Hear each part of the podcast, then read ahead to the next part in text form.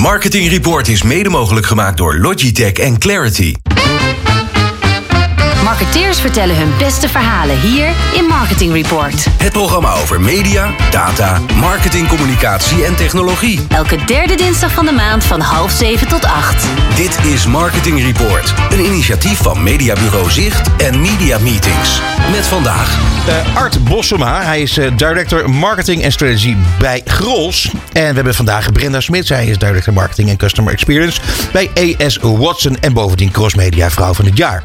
Nienke van der Streek is er ook, eh, Managing Director Marketing en Communicatie bij Aldi. Marit van Zalk, eh, eigenaar Podcast Factory en Air Force. En natuurlijk zoals iedere maand René Zeedijk. Dit is Marketing Report. Met Peter Wiebinga en Bas Vlucht. Nou, en het is heel erg lekker, want we zijn er inderdaad weer, eh, lieve mensen. En we zijn hier met Art Bossema. En eh, wat ik al zei, Director Marketing en Strategy bij Koninklijke Gros. Welkom. Ja, dan. Goed dat je er bent, man. Zeg, eh, eh, we gaan straks gaan we natuurlijk het, eh, het kenmerkende geluid van, van een fles Gros die je openmaakt. Dat gaan we straks even doen. Omdat je ook iets hebt meegenomen wat wij heel graag willen proeven. Iets nieuws. Maar dat doen we straks, want ik wil toch eerst even met je praten over wat nou eigenlijk jouw belangrijkste taak is binnen Gros.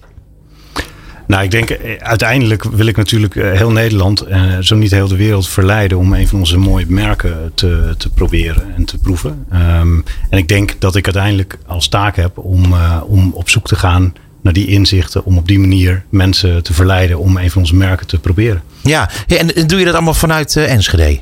Nee, we hebben eh, onlangs gekozen, een paar jaar geleden, toen ik, toen ik deze rol ging doen, om, eh, om niet alleen in Enschede te zitten, maar ook een kantoor in Amsterdam eh, te openen. Dus we hebben zowel onze brouwerij in, in Enschede, waar we een kantoor hebben natuurlijk, en, en een kantoor in Amsterdam, boven een van onze befaamde cafés, Café de Jaren. En daar Ja. zit, zit een deel van mijn team. Verrukkelijk. Ik ben natuurlijk heel toevallig van de week ben ik er geweest bij de jaren. En toen heb ik eh, omhoog gekeken om te kijken of ik naar je kon zwaaien. Maar dat kon ik wel. Maar ik heb je niet gezien, jij mij ook niet waarschijnlijk.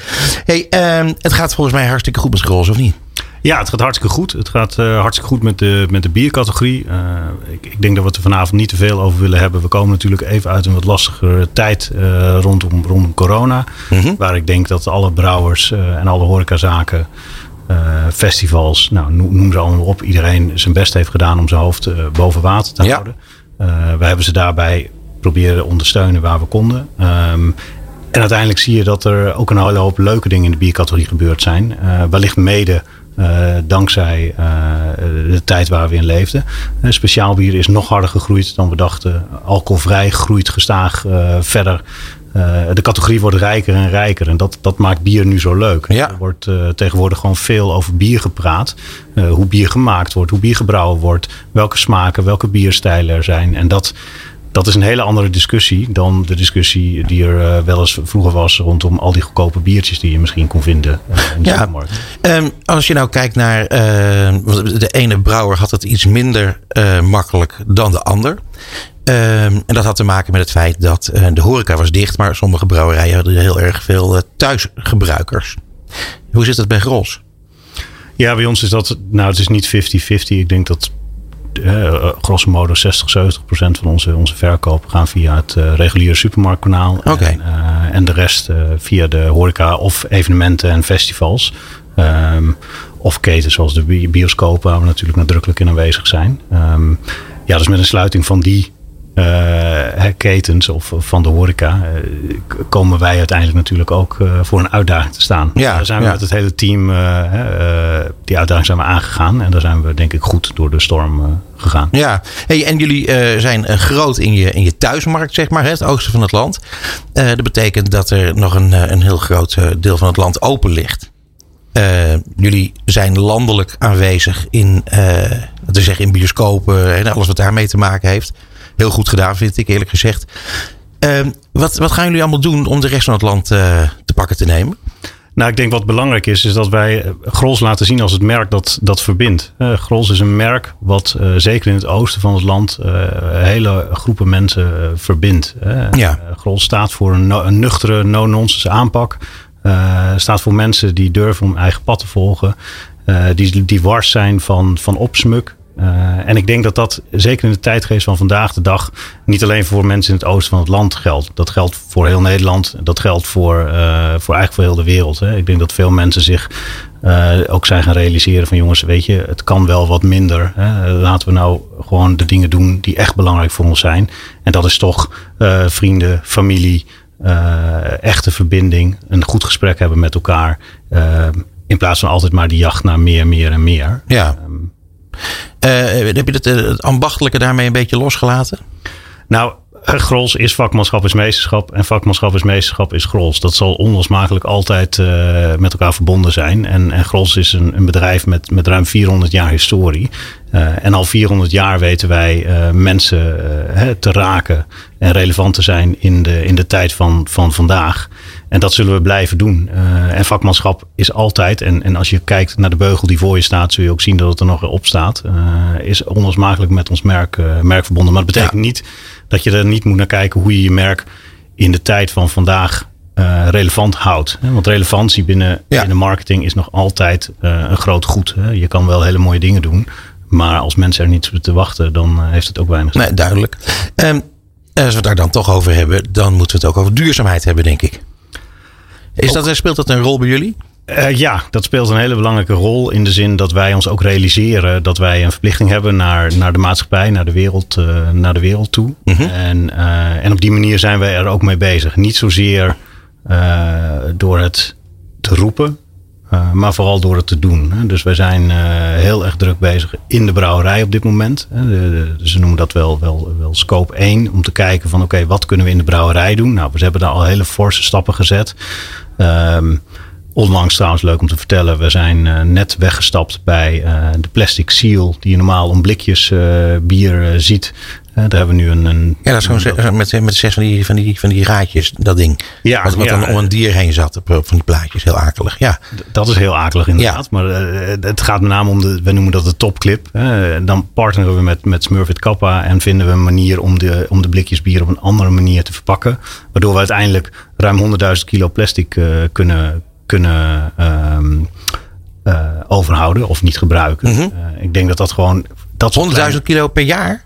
Per jaar, dus ongeveer ja. 4 miljoen tasjes moet je dan uh, in denken. en en dat, dat zet je ook aan het denken. En op die manier het zo concreet te maken, ga je ook nadenken van: oh ja, wacht eens even, zo doen wij dat dus. Of deden wij ja. dat dus. En dan ga je ermee aan de slag. Um, en ik denk dat dat wel iets is wat typisch is voor, voor Koninklijke Grols. Wij gaan met die dingen gewoon aan de slag. Wij staan niet gelijk op de bühne te roepen dat we dat wellicht gaan doen. Nee, we, laten, we hebben het erover als we het gedaan hebben. Um, en zo zijn we dus met, met de brouwerij heel druk bezig om, om uh, volledig CO2-neutraal te worden. Uh, en ik ben aan het nadenken hoe we dat dan eventueel in het merk, in de communicatie ook uh, voor het voetlicht kunnen, ja, kunnen te gek. Bas? Ja, je hebt natuurlijk ook allerlei soorten exportbier. En dan kun je overal in de wereld kun je bier verkrijgen uit overal. En dan denk ik, ja, dan, dan die gaat zo'n fles met bier dan in een vliegtuig of in een boot dan ook de hele wereld over. Uh, misschien gaan we wel naar een uh, maatschappij toe op een gegeven moment zeggen... nou, bier dat drink je gewoon uh, in het land waar het gebrouwen wordt en niet daarbuiten. ja, dat, dat vind ik eigenlijk wel. dus ik vind in de basis dat wij als brouwers in zijn algemeenheid... de verantwoordelijkheid hebben om over dat vraagstuk na te denken. En ik denk dat je er inderdaad naartoe moet. en ik belofte maken misschien schuld... Maar dat je op een gegeven moment moet zeggen, nou, als dit bier niet in dit land gebrouwen kan worden, omdat het een bepaalde grootte niet zou hebben, dan moet je er misschien mee stoppen.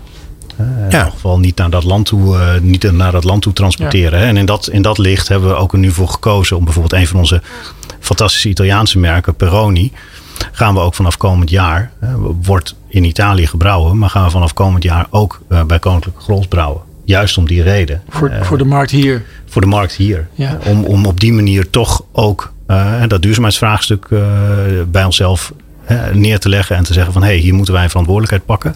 En dan krijg je natuurlijk een lastige discussie. Want Peroni Nastro Azzurro is een merk uit Italië, van Italië, voor de Italianen ja, ga je dan daar uh, over de heritage uh, een vraagstuk hebben? Wij vinden van niet.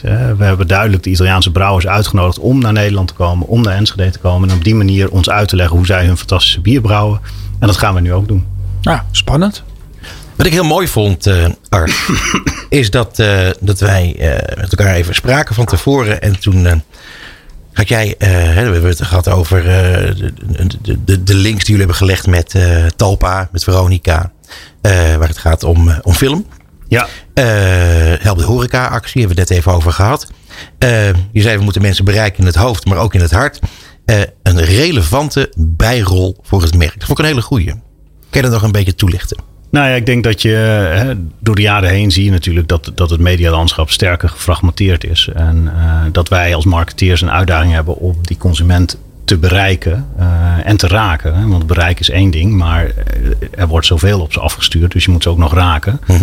En ik denk dat je daardoor innovatief moet zijn en dus moet nadenken over hoe kun jij als merk een rol spelen in, in de belevingswereld, in de leefwereld van, uh, van die consument. En daardoor gaan we dus op zoek naar partners. Waarom zou je zelf iets verzinnen? Als je het samen met in dit geval bijvoorbeeld Veronica kan oppakken. Die ook het thema film hoog in het vaandel hebben. Wij ook. En dan zie je gelijk een huwelijk ontstaan. En ga je samen gewoon content maken. Uh, zowel off als online. Uh, waarmee je dan een, een bepaald deel van de doelgroep echt raakt. En daar ga je dan niet aan vertellen. Kijk eens hoe bijzonder of hoe goed Grols is. Nee, je bent daar gewoon onderdeel van in dat moment. Uh, het gaat uiteindelijk om die film. Of het gaat om die films. En niet sec om dat, nee. uh, om dat bier. Nee, het is heel mooi. Ik, uh, dat, daar wil ik het eventjes uh, genoemd hebben. Dan nog even terug naar de speciaalbieren. Die speciaalbieren hebben ervoor gezorgd dat mensen meer over bier praten. Dat bier een belangrijker plek heeft ingenomen in onze levens. En dat is natuurlijk voor de hele categorie natuurlijk uitstekend. Ehm, er kwamen op een gegeven moment meer en meer en meer microbrouwerijen. Uh, gaat dat nog steeds door of is dat, neemt dat af? Wat gaat daarmee gebeuren? Nou ja, ik, ik allereerst gezegd hebben, de, hè, ik denk wat we net over hadden, film. Uh, er zijn natuurlijk een hele hoop mensen die daar. Je merkt ook dat een hele hoop mensen geïnteresseerd zijn geworden in bier. Hè? Hoe Ja. wordt bier gemaakt? Hoe wordt bier gebrouwen? En dat is uh, koor op de molen van alle, alle kleinere microbrouwerijen. Uh, en ik denk heel goed geweest voor de categorie. Die, die groei was, was onnavolgbaar. Ik denk dat er uh, enorm veel microbrouwers zijn bijgekomen. En je merkt nu dat daar ook langzamerhand misschien de rek in het aantal in elk geval uit is. Ook omdat er harde wetten zijn hè, waar we rekening mee moeten houden met elkaar. In de, in de supermarkt bijvoorbeeld. Hè. Rotatie is daar uiteindelijk toch waar het om gaat. Ja, en Rotatie en ruimte. Ja, en, ja. en uh, nou, uh, volgens mij heeft elke marketeer als een van de eerste les uh, van zijn key account manager gehoord dat het schap niet van elastiek was. En dat is nog steeds niet zo. Alhoewel je online en e-commerce natuurlijk al wat verder kunt gaan. Um, maar je ziet gewoon dat als iets niet roteert. Uh, ja, en, en, en, dan valt het toch van het schap af. En je ziet nu dat de grote supermarkten daar langzamerhand moeite mee krijgen. En, Ja. en, en ook zich afvragen, ja, wat is de rol van een microbrouwerij uit uh, Breda, ik noem maar wat. Uh, op het schap in Groningen. Nee, dat eens, heeft waarschijnlijk eens. geen rol. Hè? Dus je, je zal toch daar die lokaliteit moeten opzoeken. Ja. Wat hartstikke goed is. Want hè, nogmaals, ik ben er absoluut een voorstander van. Want het maakt juist die biercategorie zoveel interessanter. En wij zoeken ze ook op. We werken met ze samen. We vinden het hartstikke leuk om onze kennis uh, hè, daar, daar neer te leggen. En anderzijds leren wij heel veel, veel van de ondernemerszin en, uh, en het brouwen van, uh, van de micro. Wat ik nou zo mooi vind, is dat jullie eigenlijk als Grols hebben jullie al heel erg veel gedaan. Altijd met, met speciaal bieren. Veel meer dan andere brouwerijen. Uh, met kanon en, en, weet ik wat allemaal voor, voor speciale ja, uh, bieren. Hallo. Ja, nee, maar bokbieren, weet je wel. Dat, ja, dat is het lekkerste bokbier wat er is, man. Nou ja, hallo. We gaan zo meteen even proeven. Al sterker nog, dat gaan we heel snel doen. Nee, maar ik, dat vind ik wel mooi dat jullie eigenlijk daar altijd al mee bezig zijn geweest. Ja, speciaal bier stond altijd al in het hart uh, van het merk, van het merk Grols. En dat komt ook eigenlijk omdat dat natuurlijk een, een toonbeeld is van, van vakmanschap en meesterschap. En ja. inderdaad, hè, wat jij ook al zegt, uh, ons herfstbok uh, ja, is, is de grootste en lekkerste bok uh, van Nederland. Volgens onze brouwers is hij dit jaar opnieuw weer lekkerder dan de jaren ja. Nou, over smaak valt te twisten, maar ik ben het natuurlijk graag met ze eens. Um, ik wil even gaan twisten als je het goed vindt. Ja. Want jij hebt meegenomen een heel bijzonder bier. En dat is een Dunkel Weizenbok. Ja, ja, Even in het kort vertellen wat het is, want we hebben maar weinig tijd nog. Oké, okay, nou dan ga ik heel snel. Um, eh, ik begin bij het, uh, bij het verhaal dat wij een kleine brouwerij hebben in de grote brouwerij. Die heet de Proefbrouwerij. Mhm. Mm -hmm. Ons antwoord, of onze microbrouwerij eigenlijk. En in die brouwerij maak ik samen met Mark Jansen, uh, onze hoofdbrouwer daar, de prachtigste bieren, de leukste ideeën. En, en één daarvan hebben we gezegd, wacht eens even. Wij zijn heel groot in herfstbok, maar we zijn ook heel groot in Weizen. Wat nou als we die twee stijlen samenbrengen? Uh, en dat hebben we geprobeerd in de kleine brouwerij. Dat hebben we in samenwerking met Hondes Horecazaken getest. En dat is eigenlijk ons live marktonderzoekstool. en uiteindelijk is die nu deze herfst uh, op de markt gekomen. En nu dus bij het uh, verkrijgbaar bij de diverse supermarkten. Mogen we hem openmaken? Jij mag hem openmaken, dan doe ik met je mee. Gezellig. Wow. Proost jongens. Onmiskenbaar grols, jongens. God, het is maar goed dat het radio is, want ik zit hier helemaal onder het bier. Uh, maar ik moet hier wel onder heel erg lekker bier. Uh, Art. Top zeg. Fijn dat je het hebt meegenomen. Is het nou echt een, uh, een innovatie, gewoon qua smaak? Is, het, is dat jullie echt de eerste die dit verzinnen? Of, nee, het is er al wel. niet op deze schaal. Ehm, en natuurlijk niet met deze receptuur. Ja. Maar ik denk echt, wel, het is wel een mooi moment. Kijk, innovatie, en de tijd zal op zijn bijna. Maar innovatie op bierstijlen, ja. Maar we moeten verder denken. Innovatie is meer dan bier alleen. Hè. Het kan ook om verpakking gaan. Hè. Daar hadden we het eerder al over. Ja. Om duurzaamheid. Innovatie kan zoveel meer zijn. En ik denk dat dat de uitdaging is voor, voor ons. Uh, voor de andere brouwers. Maar eigenlijk voor de hele, hele markt. Om daar goed over na te blijven denken. Ik zou graag willen afsluiten met uh, op jullie gezondheid. En ongelooflijk dank voor je komst naar de studio. Art Bossema, Director Marketing en Strategy. Koninklijke Gros. Dankjewel. Dit Dankjewel. is Marketing Report. Met Peter Wiebinga en Bas Vlucht. Dit is Marketing Report op Nieuw Business Radio. Ja, en op dit moment hebben wij in de studio Marit van Zalk. Zij is owner, of eigenaar moet ik zeggen, Podcast Factory en van Air Force. Uh, welkom in de studio. Dankjewel. Wat goed dat je bent. Ja, zou je ja. dicht bij de microfoon willen praten? Want iedereen wil jouw warme stemgeluid natuurlijk ja. uh, zo goed mogelijk horen. Zo dichtbij? Ja, uh, en, en ik, toen ik jou aan de telefoon had, toen hoorde ik direct al dat jij een radiostem hebt. Maar nu blijkt dat jij eigenlijk zelf uh, nauwelijks uh, iets doet op dat gebied. Hè? Jij bent meer de, de, de zakelijke kant. Klopt helemaal. Ja. ja. maar goed, ja, we gaan spreek, eerst. Ik spreek iets in, maar dat zal ik straks nog wel vertellen. Oké, okay, dat is heel goed. Maar laten we eerst even beginnen. wie jij bent en wat je precies doet. Wat doet nou, de Podcast Factory? Dat kunnen we ongeveer wel begrijpen. Air Force. Wat doet Air Force? Um, we zijn een audio, branding studio. Mm -hmm. En dat wil zeggen dat we audio doen ja, in de breedste zin van het woord. Um, veel muziekcompositie. Um, voice-overs, geluidsnabewerking. Er zit hier gewoon in het hol van de leeuw zit je. Ja, ja bij de YPCA uh, radiofabriek. Ja, en dat ja, voor, muziek, uh, muziekcompositie, voor, uh, liedjes maken. Nou, denk aan de muziek van Unox. Die hoor je misschien al twintig jaar elke dag op de radio tv. Die hebben jullie gemaakt? Dat is onze compositie, nee. bijvoorbeeld. Of Serious? de muziek onder de Weekamp. Of Centraal Beheer. Oh. Of nou, noem maar op, noem maar op. We doen heel veel compositie. Is dat met Toets Tieleman, dat van uh, Unox? Dan denken, dan denken mensen... Ja, dat denk ik altijd. Dan moeten we altijd heel erg lachen. Ja. ja. Dat is een compliment. Nee, absoluut. Daarom, ja. Maar wie is het dan wel? Uh, Reinder van Zalk. Heeft dat meen je niet. Is dat ook alweer een Van Zalk? Ja. Het is niet, toch niet te filmen. Want laten we daar dan gelijk nu maar over beginnen. Als je nou kijkt naar, naar, naar jullie bedrijf, bedrijven. Ja. Uh, dan, dan zie je de naam uh, van Zalk zie je vrij vaak uh, terugkomen. Hoe zit dat dan? Zijn Nou, jullie we echt een familiebedrijf? We hebben 22 kinderen. Zoveel? Zo is het gekomen. Maar, eh, nee, nee, even serieus. nee, nee, nee. Reiner en ik, eh, nou, wij zijn een stel. En Ja. wij heten dus allebei, niet, nou niet, niet dus, maar wij heten allebei eh, Van Zalk. Dus we doen het al een jaar of Dat is op zich al een bijzonder toeval. twintig eh, doen wij dit samen, dit eh, bedrijf. We hebben het ooit overgenomen. En eh, nou, dat loopt goed. Hij zat er al wat langer overigens. Mhm. Eh, hij leidde daar de bol al eh, nou, nog daarvoor. En eh, onze zoon eh, heet Madok van Zalk, die is 25. En die werkt er ook al een paar jaar. Ja. Dus die is eh, ja, heel verrassend, want ik had hem niet zien aankomen. Maar goed in geluid. Scherp gehoor. eh, ja, op zijn plek daar. Ja, prachtig joh. Ja. Heel erg leuk. Ja. Zeg, eh, we gaan het even over podcast hebben. Nou, wat ik namelijk zo interessant vind, is dat jaren geleden werd de podcast opeens populair. En dat was interessant. Eh, maar het gekke was dat de podcast opeens weer ja, bijna helemaal verdween. Klopt. En vervolgens komt, Ja. niet zo heel lang geleden, komt de podcast weer terug. En nu, nu is de, volgens mij de podcast eh, hier om nooit meer weg te gaan. Ja, Hoe kan dat? ja. ja dat is een leuk Heb, je daar een, heb jij daar een, een, een verklaring voor? Ja, jawel. Kijk, dat het er ooit gekomen is. Hè, dat is een leuk verhaal, onder andere door Adam Curry. Je kent het verhaal misschien Mhm. wel. En Dave Winner. Dat is was in 2001. Dat is uh, dus ook al een poosje geleden. Um, prachtig uh, idee ook. Het was in eerste instantie ook voor muziek met name. Hè, om dat op die manier te kunnen beluisteren. Ja, toen waren we afhankelijk van de iPod, hè, of de, de, de pot. Dus dat was een hele andere manier van luisteren. Dus je had niet rechtstreeks, kon je gewoon luisteren wat je wilde. Dus het is eigenlijk, ging het al heel snel, bleef het hangen en stagneerde het. Want als je reisde, dan kon je nooit het laatste downloaden of wat dan ook. Dat kon helemaal niet toen. Dus het idee was prachtig, maar we hadden niet de middelen.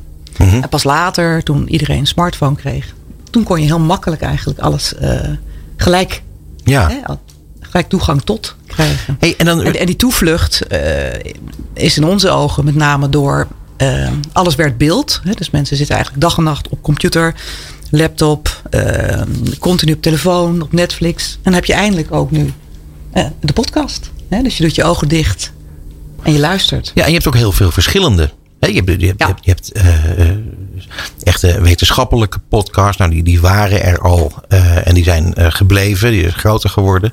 Klopt. Ja. Ja. Je hebt, je hebt, je hebt roddeldingen. Je hebt, Ja. je hebt humor. Je, het is niet te geloven. Ja, dat is wel heel leuk. eh, maar waar, waar eh, bestaat nou een goede podcast uit? Ja, nou ja, het is net zo divers als wat jij nu noemt. Dat is een stomme eh, vraag. Nee, helemaal niet. Het is een leuke vraag. Ik denk een podcast eh, doet het goed als het eh, echt voelt. Als het echt is, als het overkomt. Het is heel intiem, vind ik, een podcast. Ik zeg wel eens, eh, podcast is een hele eh, intieme vorm van media. Je bent eigenlijk alleen met wat je hoort. Dus je, de beelden maak je zelf. Dus ja, een goede podcast is een podcast die, die echt is. En of het nou om te lachen is.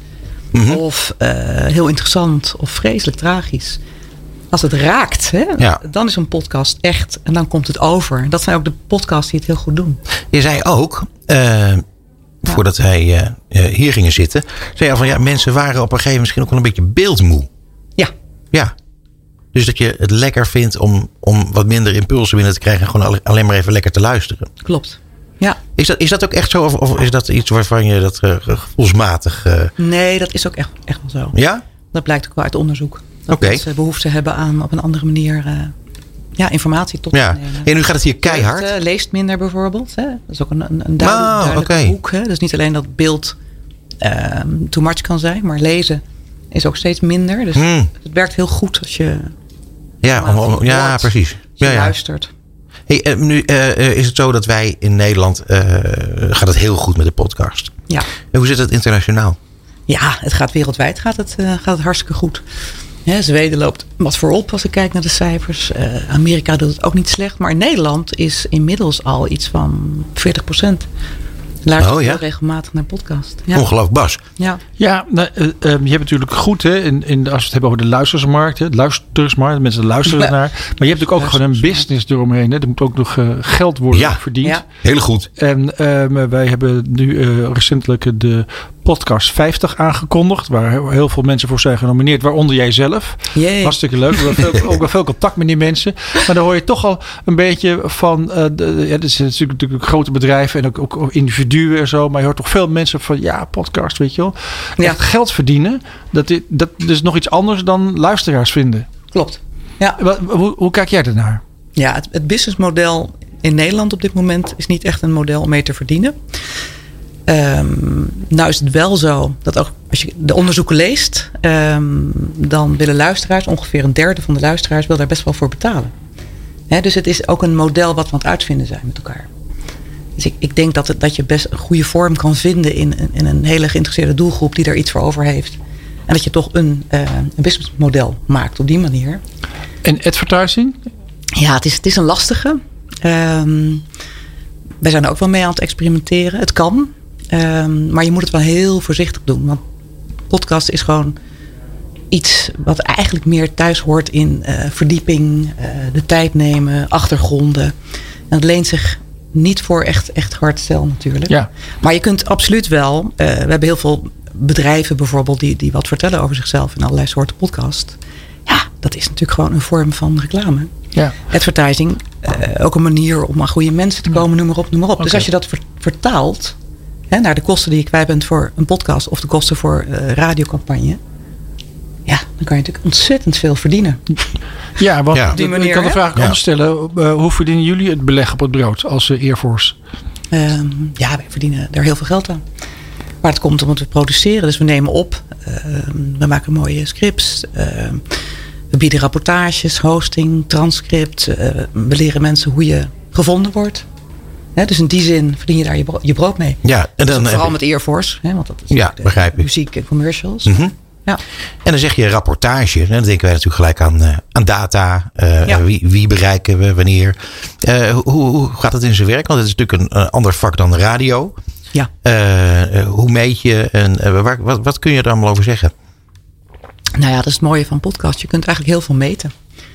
Dus je kunt heel nauwkeurig zien wie luistert er, hoe lang, waar bevindt de luisteraar zich. je hebt heel veel informatie. Mm -hmm. Dus dat betekent als je doelstellingen van tevoren hebt, die kun je ook echt meten. Je hoopt op een bepaald publiek. Je hoopt op, op, op uiteraard dat iemand je podcast uitluistert. Ja. Maar je ziet in de praktijk dat bepaalde onderwerpen niet aanslaan. Of een bepaalde manier van praten niet helemaal overkomt. Dan zie je een daling hè, in, in het aantal luisteraars. Dus dat is, het, is heel, het is heel meetbaar. Je kunt je, je strategie kun je uh, daar onmiddellijk op aanpassen. Interessant hè? Ja. Ja. Um, uh, is dat dan een van de belangrijkste redenen dat uh, podcast een blijvertje is? Nou nee, ik denk niet de enige reden. Zeker niet. Nee, maar niet de enige, maar een van de belangrijke. Dit is, dit is, een, dit is natuurlijk voor de marketing en voor, voor ja, bedrijven en voor onderzoek is dit een hele grote. Denk ja, dat denk ik ook. Absoluut. Ja, de andere grote is natuurlijk het genot en de manier van uh, luisteren en genieten van podcast. Dat is ja. ongelooflijk. Dat gaat ook niet meer weg. Uh, nu we het er toch over hebben. Wat wel grappig is, ja. we hebben het nu over hè, beeld is dan, uh, hè, mensen raken beeldvermoeid en podcast is luisteren. Maar wij merken wel dat er ook steeds meer beeld is bij podcast. Nou, daar wil ik het nou juist dat, over hebben. En dat bieden we dus ook, hè, ja. van podcast. Dus dat is juist iets waardoor je ziet dat, dat er toch een groep luisteraars is die ook kijker is. Het is interessant, want namelijk op dit moment uh, uh, heeft Bas jou net uh, gefilmd. Ja, ja daar hadden we het toevallig net over. Ja. Dus dat is wel een, wel een. En dat zien we dan weer terug op, op allerlei kanalen, waaronder op, op LinkedIn, geloof ik, hè, Bas? Ja, zo is het. Um, ja, um, ik wilde nog even hebben over een. ja, je, een wordt, manier... je wordt ook veel beter gevonden. Hè? Als je er beeld bij voegt, even als tip voor de ja, ja, ja, dat begrijp ik. Ja. dat Tuurlijk. Het vliegt omhoog als je ja. natuurlijk ook beeld hebt. Ja, precies. Een beetje beeld en voor de rest luisteren. Ja, maar, ja, ja. Je vindbaarheid is. Uh... Nee, dat begrijp ik. Um, we gaan nog even hebben over iets anders. Want jij zit ook in de directie van de Amsterdamse Mediafabriek. Ja. En um, daar moet je toch even alles over vertellen. Want dat vind ik wel een heel erg mooi verhaal. Nou, daar vertel ik graag over. Het is nog wel helemaal. Het moet nog. Het is nog helemaal nieuw. ja, het moet nog van start.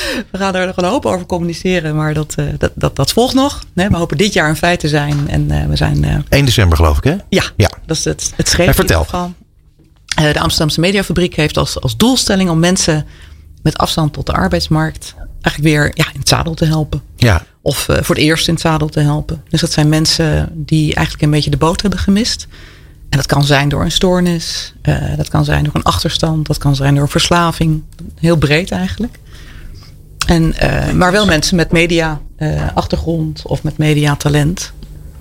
En ja, dat is dus de doelstelling. Dus we, we kijken nu heel erg naar mediapartners met mm -hmm. samenwerken. De regenbooggroep uh, uh, steunt ons gelukkig hierin. Ik doe gemeente Amsterdam? Met, uh, gemeente Amsterdam, zeker. Ja, top. Wouter Overhaus is mijn partner hierin. Dat is ook een mediabedrijf, Overhaus genaamd. En we gaan samen kijken van ja, hoe gaan we dit bouwen? Dus wie zit erin en wat gaan we bieden? We beginnen heel specifiek met beeld en geluid. Dus ja. Ook met podcast overigens. Wat leuk. En, en, maar, maar hoe weet je dat hier, dat hier ook behoefte is, aan is vanuit de markt? Ja, Buiten het feit dat je. Een hele leuke. Want uh, we zitten natuurlijk gelukkig in een samenleving die sterk verandert. Hè. Mhm. Het, is, uh, het, is, inclusief en dat, dat, merk je op zoveel manieren. Ja, dus onze opdrachtgevers, uh, en dat is dan niet alleen maar Stichting Open Mind, die fantastisch bezig zijn, maar ook allerlei andere eh, organisaties die zich bewust zijn van. Ja, wat, wat, wat kunnen we nog meer laten zien? Hè? Welke andere doelgroepen kunnen we benaderen of kansen geven? Mhm. En dit sluit er eigenlijk naadloos op aan. Ja. Dus je merkt dat uh, er veel meer kansen worden gecreëerd voor andere doelgroepen. Waar ook mee gewerkt wordt, die ook ingezet worden. We zijn bijvoorbeeld ook uh, een stemmenbureau. Nou, er worden hele andere stemmen worden er gezocht. Mm -hmm. Hè, stemacteurs. Het zijn juist ook mensen met, met nou, andere achtergrond en dergelijke. Dus ik heb het gevoel dat dit uh, iets is wat heel erg aansluit op behoeften, ook vanuit de markt. Bas, ik denk dat wij wel kunnen beloven dat wij ook een beetje mee gaan helpen om ervoor te zorgen dat dit initiatief uh, een grote bekendheid krijgt onder eh, al onze mensen die eh, lid zijn van het Nederlands Media Netwerk en van Marketing Report. Hè? mij we zijn zijn, we al eigenlijk zijn we al begonnen, inderdaad. Ja. Hey, Ja, eh. Marit, Ja. eh, het zit er alweer op en dat is ontzettend jammer. Eh, maar we gaan, eh, zoals net beloofd, eh, van alles daarmee doen. En eh, we blijven jullie natuurlijk ook volgen met wat er allemaal gebeurt en wat er uit de Podcast Factory komt en uit Air Force. Nogmaals dank voor de komst in de studio en eh, heel graag tot snel. Vond het erg leuk. Dankjewel. Bedankt. Dit is Marketing Report. Met Peter Wiebinga en Bas Vlucht. Zicht op media. Met René Zeedijk. Nou, we kunnen weer niet wachten, René. We hebben vandaag eh, eh, in deze uitzending een drietal onderwerpen die jij naar voren hebt geschoven. Dat klopt. En eh, ik moet je zeggen, dat, eh, daar verheug ik me op. Want we zitten natuurlijk hier op de radio en jij gaat het hebben over eh, iets bijzonders op de radiomarkt. Ja, we hebben een echte nieuwe nummer 1 kunnen we wel stellen. Ja. We hebben het vaker hierover gehad over eh, Q-Music. Want daar heb ik het over. En eh, eh, vandaag konden ze echt bekendmaken dat ze echt een nieuwe nummer 1 zijn op de doelgroep 10 jaar en ouder. Hè. Dus vaak hebben ze ook een keer op 2049 dat al gehaald. Op 2034 op alle doelgroepen eigenlijk. Alleen op die 10 plus was het één keer gedeelde plek met Radio 2. NPO Radio 2 om precies te zijn. En eh, nu dus echt eh, bij VAR de, de marktleider. Eh, echt, eh, echt fantastisch over de periode augustus-september. Het is ook nog over de periode dat je allemaal weer een beetje terugkomt van vakantie, weer je, je zender opzoekt. En dat, eh, nou, daar hebben ze nu een marktendeel van 11,9 en eh, Radio 2 eh, 11,4. Dus een half procentje eh, eh, loopt dat eh, daarachter. Het is een mijlpaal. Dit is zeker een mijlpaal. Eh, eh, ze zeiden ook altijd wel van, joh, het, het is niet de vraag eh, dat het gaat gebeuren, de nieuwe nummer 1, maar wanneer. Hè? En eh, nou, dat is dan eh, nu eh, officieel. Dus argumenten- duiden? Nou ja, het is gewoon consequent. We hebben het al eens eerder over gehad. Het is gewoon echt heel consequent beleid geweest van eh, Robert Bernink en Dave Minnebo, die ook wel eens te gast zijn geweest. Van Ja. continu gewoon heel duidelijk die ochtendshow, die middagshow, de top 40. Gewoon echt, echt een hele duidelijke basis genomen. En er niet van afwijken. En ik vond dat steeds meer radiostations toch een beetje paniekvoetbal gingen, gingen, gingen, gingen volgen. Eh, zeker ook bij, bij 538 zag ik dat wel. Dat allemaal nieuwe programma's en wisselingen en andere discjockeys. En weer in de weekenden en dergelijke. En dan ga je paniekvoetbal. En dan moet je nooit op radio doen. Hou hem gewoon stabiel. En dat heeft Q echt fantastisch gedaan. En altijd natuurlijk de, de luisteraars omarmd. hè. Dat is altijd de kracht geweest van Q. Altijd helemaal eh, in het teken staan van die luisteraars. Nou goed, dan moeten we niet vergeten. Ze zijn in 2005 begonnen. Hè. Dus je hebt het over 16 jaar later. Dat ze echt die nummer 1 positie pakken. En er is gewoon keihard voor geknokt. Maar, Maar eh, eh, nee, is het ook niet gewoon dat zij eh, Marieke hebben? Ook. Natuurlijk gewoon een goede ochtendshow en een goede middagshow. Eh, de vrouw eh, die bewijst dat vrouwen het op de radio wel degelijk heel erg Marieke doet doen. het, doet het fantastisch. En wat ze ook heel knap doen, is dat ze ook nog eens een keer hele leuke eh, camerabeelden, tv-beelden eigenlijk laten zien. Hè. Ze delen heel erg sterk op social eh, eh, de leukste items. En dat zie je dan ook terug. Dus Marieke speelt, speelt zeker een rol, ja. En, natuurlijk, eh, in Radioland is het natuurlijk heel spannend als dat RTL dadelijk met Talpa samengaat. Wat gaat er met Marieke gebeuren? Natuurlijk, dat is wel de eerste vraag die nu speelt in de radiomarkt. Gaat Marieke dan ooit misschien weer die kant op? En dan zit je opeens weer in het Talpa-kamp. Dus dat zijn natuurlijk wel interesting. spannende ontwikkelingen. Ah, maar ja. goed. Wat ook René Maar vooralsnog- zeggen, Ja, oh, twee vragen. zeggen Ja. dat eh, is niet alleen dat eh, Q het goed doet, eh, het is ook de NPO 2 die zakt weg. Hè? Dat, eh, dat- gaat twee kanten op. Ja, NPO eh 2 raakt, zaakt inderdaad wat weg. Nou denk ik wel dat het tijdelijk is. Want dadelijk komt weer die top 2000. En wat de, de, de, de publieke omroep altijd heel goed doet... is die combinatie van radio, televisie, online... rondom die top 2000. Dus dan pakken ze echt wel weer een, een, een, hele Ja. groep terug hoor. Daar hebben we het al heel vaak over gehad. En Mhm. wa- waarom lukt het al die andere zenders niet om met een soortgelijk crossmediaal product te komen? Ja, Dat DPG is toch ook niet, ligt- eh, ligt klein? gewoon, ze laten precies zien hoe het moet. Ja, nee, dat klopt. Kijk, ik, ik denk daarna dat Radio 10 het met de top 4000 nog wel redelijk goed doet. Die lijst zie je ook altijd knallen op, eh, op Radio 10. Maar niet inderdaad crossmediaal. Daar, daar laten ze het echt afweten. Dan is een beetje Gerrit Ekdom met een klein programmaatje. Maar je ziet bij publieke omroep, dan wordt het ook echt omarmd. En, en dat, dat zie je dus bij publieke omroep. Dat dat blijkbaar makkelijker is, terwijl je daar niet verwacht, dan bij een commerciële omroep. Dat is, eh, maar dat, dat is zo. Ja, misschien als ooit bij Talpa dat toch eens een keer over na gaan denken. Ik, eh, eh, we gaan het zien. Dus het is wel spannend wat er gaat gebeuren wat betreft de, de top 2000. Nou, verder zie je natuurlijk dat Radio Veronica het, het echt gewoon nog steeds niet goed doet. Hè? Een nieuwe leiding, nieuwe programmering. Nou, vorig jaar 3.6, nu 3.3. Oftewel, het gaat echt de verkeerde kant op met, met die zender, is zonde. En 538, nou, sinds lange tijd weer een kleine stijging in de doelgroep 2049. Dus een klein beetje gaat het weer de goede kant op daar. En, maar goed, die radiomarkt natuurlijk eh, moet wel opletten. Want, want we hebben best veel met kosten te maken. Eh, ehm, ze hebben een paar jaar wat goedkope DFM-zenders mogen gebruiken. Nou, bijvoorbeeld eh, Q, zo'n zo'n 5,5 ton per jaar betalen ze daarvoor. Maar ze gaan nu weer naar 3,8 miljoen straks. In de, in de, in de een soort van verlengingsstrijd. hè. Je gaat een paar jaar ga je verlengen. Dus de bestaande zenders weten wel dat ze die FM-plek hebben. Maar gaan echt wel weer een stuk fors meer betalen. Dus dat ga je wel merken natuurlijk in je exploitatiegelden. Dus in het Maar wat gebeurt, er dan met, wat gebeurt er dan met online? Ik bedoel, hoeven toch straks helemaal niet meer op de FM te zitten? Ja, Nee, maar dat klopt. DHB, dat is eh, geloof ik nu iets van 40% of zo eh, gaf het bereik aan. Maar je moet die omslag nog hebben. Dus voorlopig zijn we nog wel met, afhankelijk van FM. Maar natuurlijk, ik luister ook in de auto heel veel via eh, online al. eh, Ja, dat precies. kan ook heel makkelijk. Maar we zijn gewoontedieren. hè. We zijn soms echt gewend om voor langere tijd al eh, eh, te luisteren via FM.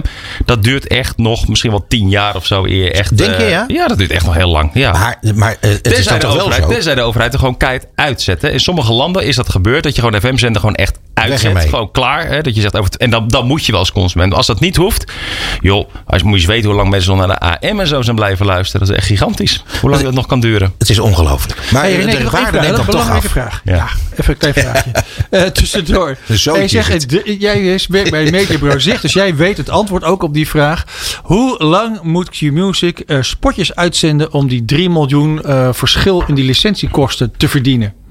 Dat doe je niet in een weekje, denk ik. Nee, maar dat, dat reken ik ook niet in eh, een paar seconden uit, eh, Bas. Dat, eh, dat zou ik wel moeten weten, maar dat heb ik niet gedaan. Had je vanmiddag moeten vragen. Ja, dat ik heb hem eerder uitgerekend. gevraagd. Maar mogen we, dan, te goed. mogen we dan dit, dit item wel even afsluiten met een hartelijke felicitatie aan Robert Benning en Zeker. Dave Minnebo? Absoluut. Dik verdiend en heel erg leuk. En misschien al spannend om te vertellen dat die 21 december hebben een hele speciale marktreport. Want dan Ja. gaan we de tv-wereld, de radiowereld zo uitnodigen. En zit hier Joris van der Pol van Talpa en Rob Bijersbergen, Q-Music, Ja. eh, hier aan tafel. Dus ik denk dat het ook weer een heel mooi onderwerp is om hier verder over te praten. En dan ga jij Bas vragen aan Rob hoe, hoe, hoe Ja. hoeveel seconden ze moeten gaan verkopen voor de 3,5 miljoen. Zo, ben ik daar, ben ik daar vanaf. Hij popelt nu al om het, eh, om het Maar- te gaan vertellen, denk ik. Maar weet je trouwens hoe spannend het is? Als je misschien van de week de Staatskrant hebt eh, gelezen. Ik lees dat niet heel veel, maar... eh, Elke ik kreeg altijd, dat door. Daar staat, nu, daar staat nu letterlijk in... RTL Groep wil Talpa Network overnemen. En iedereen die belang, belanghebbend is... heeft zeven dagen de tijd. Dus eh, beste wereld, let op. Zeven dagen de tijd om daar eh, op te reageren. Want de ACM heeft die oproep gedaan. Dus het gaat nu echt gebeuren. RTL die Talpa wil overnemen. En dat is letterlijk de kop op 15 oktober geweest. Je hoort er nog heel weinig over. Natuurlijk hebben we gehoord over DPG en Talpa dat het gaat gebeuren. Maar goed, nu staat het officieel in. En eh, een volledige overname, dat, eh, dat staat daar. En wat denk ik spannend is, is hoe gaat de ACM naar die wereld kijken? Kijken we dan naar de totale medewereld, inclusief een Google en Facebook? Nou, dan is die markt heel erg groot. Is er eigenlijk niet van aan de hand. Of kijken we echt naar lokale players? Ja, en dan natuurlijk gebeurt er wel heel wat op die tv- en radiomarkt. Dus Eh, Het antwoord is dat is A. Ja, Want Natuurlijk gaat het door. ja, nee, dat gaat ook wel door. Maar moet je, moet je bepaalde zaken nog inleveren of, eh, of Nou, niet? Dat, Voor de eh, bühne misschien. Ik denk het niet. Eh, misschien, misschien een paar oude Brandelli zenders. Dat zou kunnen. Om zo maar te Oh zeggen. ja.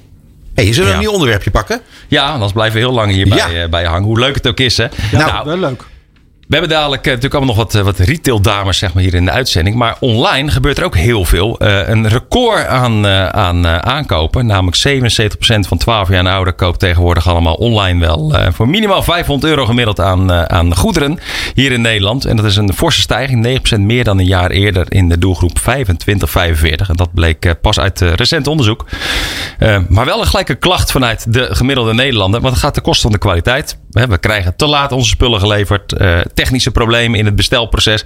Of verkeerde en beschadigde producten. Dus eh, je merkt wel dat die markt zo hard groeit. Dat ze het niet altijd eh, nog de kwaliteit ja. aankunnen. Ja, Jeetje. ja en, en Twinkel liet bijvoorbeeld zien dat Bol.com bij far de grootste is. Dat is echt gigantisch gevolgd door Coolblue, Albert Heijn en Zalando. Dat zijn de grootste online, online spelers. En wat mij opviel, is dat bijvoorbeeld dat Mediamarkt niet eens in die top 10 voorkomt. Dus Coolblue zie je echt op nummer Ja. 2. Maar zo'n Mediamarkt is totaal niet sterk online. Dat is echt, echt een mega verschil met, eh, met Coolblue. Dat is eigenlijk wel heel interessant om te zien. Knap En gedaan, hè? Dat, ja, dat is heel knap gedaan. Kijk, Coolblue is altijd vanuit online begonnen. En is later een klein beetje fysiek erbij gaan nemen aan fysieke winkels. En Mediamarkt natuurlijk precies andersom. En dat zie je nu. Dat dat eh, uitbetaalt aan de kant van Coolblue. Ja, weet je wat ik laatst hoorde? Die, Mhm. eh, die jongens in die reclame dan, die dan een beetje stuntelig doen alsof ze daar werken, die werken daar echt. Hm. Ja, helemaal niet. Dat hoor je steeds vaak. Heel je goed, zag ook bij Kruidvat vorig jaar eh, eh, eh, echte medewerkers. Carglass is ook altijd zijn echte medewerkers die in beeld komen. Dat klopt. Ja, dus dat, eh, dat zie je vaak. Maar die medemarkt, hè, die, die heeft dus nu maar opengesteld dat je ook dus als andere adverteren op het Mediamarkt-platform mag, eh, mag eh, adverteren. Dus, eh, dus die markt, ze gaan, Mediamarkt gaat een beetje richting Bol en richting eh, eh, Amazon qua eh, eh, aanpak. Hoe Het is ongelooflijk. doen. Ja, hè? Maar er schijnt wel een schifting te komen in, eh, in deze top 10. Op korte termijn, heb ik begrepen. Oh ja, vertel Ja. eens. Nou, ik, heb, ik geloof dat eh, Amazon eh, eh, flink gaat doorstoten. Ja, nou, die staat nu op plek 6, zie Ja. ik in het Ja. winkel. Maar dat, dat, dat zal best, ja, dat ze flink gaan doorstoten. Misschien volgende maand. Oh ja, dan al? Nou, weet ik niet dat we het erover kunnen hebben even. Nou, dan hebben we het de volgende maand weer over. eh. Ik kunnen we nog heel kort even over eh Volk hebben? Ja, dat vind ik ook wel even leuk om terug te halen. We hebben een tijdje geleden over gehad. Toen gingen Bas en ik allebei voorspellen. Wat gaat er met Folk gebeuren? Gaat het terugkomen? En wie gaat dat uitbrengen? Misschien, ik, Bas kijkt me nu aan van... Ja, Ja. hij Oh weet ja, het nog. zeker. Ja. En eh, eh, dat is Marie Nanette Schaapman. Die is de initiatiefnemer om ervoor te zorgen dat Folk niet uit die tijdschriftenschap gaat verdwijnen. En wat zij heel slim doet, vind ik tenminste... is dat ze de samenwerking met Linda heeft opgezocht. Heel slim. Precies, want Hearst heeft echt altijd heel weinig gedaan aan die online presence van Vogue. En ik denk dat het echt dat eh, een nadelig part heeft gespeeld. En nu met Linda gaan ze ervoor zorgen dat online en social weer eh, voor Vogue echt goed wordt geregeld. Nou, laat dat maar over aan het team eh, wat Linda.nl uitbrengt. Dus Zeker weten. ik denk dat het een hele slimme combinatie is. Nou, Vogue.nl gaat 1 januari aankomend jaar online. En het, het nieuwe Vogue magazine kunnen we in februari 2022 gaan bekijken en lezen. Fantastisch. Leuk hè, Peet? Vind Ik, vond het weer hele goede onderwerpen, René. Echt waar. Ja. We hebben misschien een beetje te veel over radio gepraat. Hoewel we het allemaal hartstikke leuk dat vind vinden. ik altijd leuk, dat weet je. Zo is dat. Hey, dankjewel voor je bijdrage van deze maand. En Ja. wij eh, gaan elkaar weer zien. Zeker. Over één maand. Afgesproken. Dit is Marketing Report. Met Peter Wiebinga en Bas Vlucht. Dit is Marketing Report op Nieuw Business Radio. Ja, en eh, we zijn alweer bij de volgende gast. En daar zijn we ongelooflijk blij mee. Want dat is Brenda Smits. Zij is Director Marketing en Customer Experience bij AS Watson. Welkom in de studio. Goed dat je er bent. Dankjewel, Peter. Ja, Leuk en weet je wat nou zo fijn is? Dat eh, het nu eindelijk zover is. Want eh jij zou natuurlijk al een paar keer eh, hier geweest zijn in onze studio. En ja, dat gewoon altijd veel te druk. Nou, en verdomd, als niet waar is, daar zijn we. En dat komt op een moment dat jij in de tussentijd bent verkozen tot crossmedia vrouw van het jaar. Dat is toch, ja, hoera, ja, inderdaad. Dat is nou nogal niet niks. Ehm, eh, Bas vroeg net al of ik daarmee wilde beginnen. Nou ja, zo lullig ben ik dan niet om dat dan niet te doen. Eh, Brenda, heeft dat eh, al wat reuring veroorzaakt dat, je, dat je dit bent geworden? Ja, zeker wel, Peter. Het is ontzettend leuke prijs eh, om te winnen. Eh, ik heb daar eh, veel eh, waardering en lof voor gekregen. Het heeft me ook wel een beetje overvallen, moet ik zeggen. Je had je niet op gerekend? Nou, niet. Echt niet. Serieus niet. Ik vond ook dat de andere genomineerden erg sterk waren. Zeker. En ook bijzondere verdiensten hadden laten zien in het mediavak. Zeker het afgelopen jaar, wat toch een heel bijzonder jaar was. Ja. Ehm, en ik vind dan toch dat hetgene wat ik heb gedaan, dat het eigenlijk iets is wat elke CMO zou moeten doen. Ja. Eh, en dan is dat toch in ieder geval voor een aantal vakgenoten wel zo opvallend geweest dat ze het nodig vonden om mij die prijs toe te kennen. Dus ontzettend leuk. Heel veel bloemen gekregen. Oh ja? Ontzettend veel. Mijn hele huis stond vol. Ik wist niet meer waar ik ze neer moest zetten. Weggegeven ook. Wat leuk. Eh, cadeautjes, eh, bonbons, noem maar op. Het was ontzettend leuk. Maar wat ik vooral heel erg leuk vond, is dat mijn team super trots was. Eh, die waren zo blij eigenlijk. En die voelden zich net zo goed gewaardeerd en erkend Ja, voor het wat ze hadden gedaan. Dus dat vond ik eigenlijk de mooiste, eh, het mooiste gevolg van eh, deze award. Nou, ik vind het heel leuk dat je dat zegt. Want het is natuurlijk ook wel zo dat je een, een, een, een inspanning met z'n allen doet.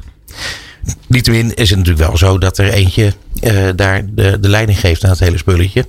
En eindverantwoordelijk is voor, voor alles wat met, met het merk te maken heeft. Of in, dit, in jouw geval met de merken. Ja. Dus welke merken vertegen- vertegenwoordig je allemaal? Nou, binnen AS Watson Health Beauty Benelux eh, ben ik eh, vanuit merk verantwoordelijk voor eh, Kruidvat Mhm. en Trekpleister. Dat Ja. zijn allebei drogisterijformules. En Kruidvat zit in Nederland en in België. Oké. En enorm groot, hè? Ja, zeker. Ja, we hebben het grootste aantal winkels in Nederland. Dus dat is ook wel iets om trots op te zijn. Er is altijd wel een kruidvat bij jou in de buurt. Mhm. En dat is ook echt een filosofie die we uitdragen. Hè. We zijn altijd dichtbij.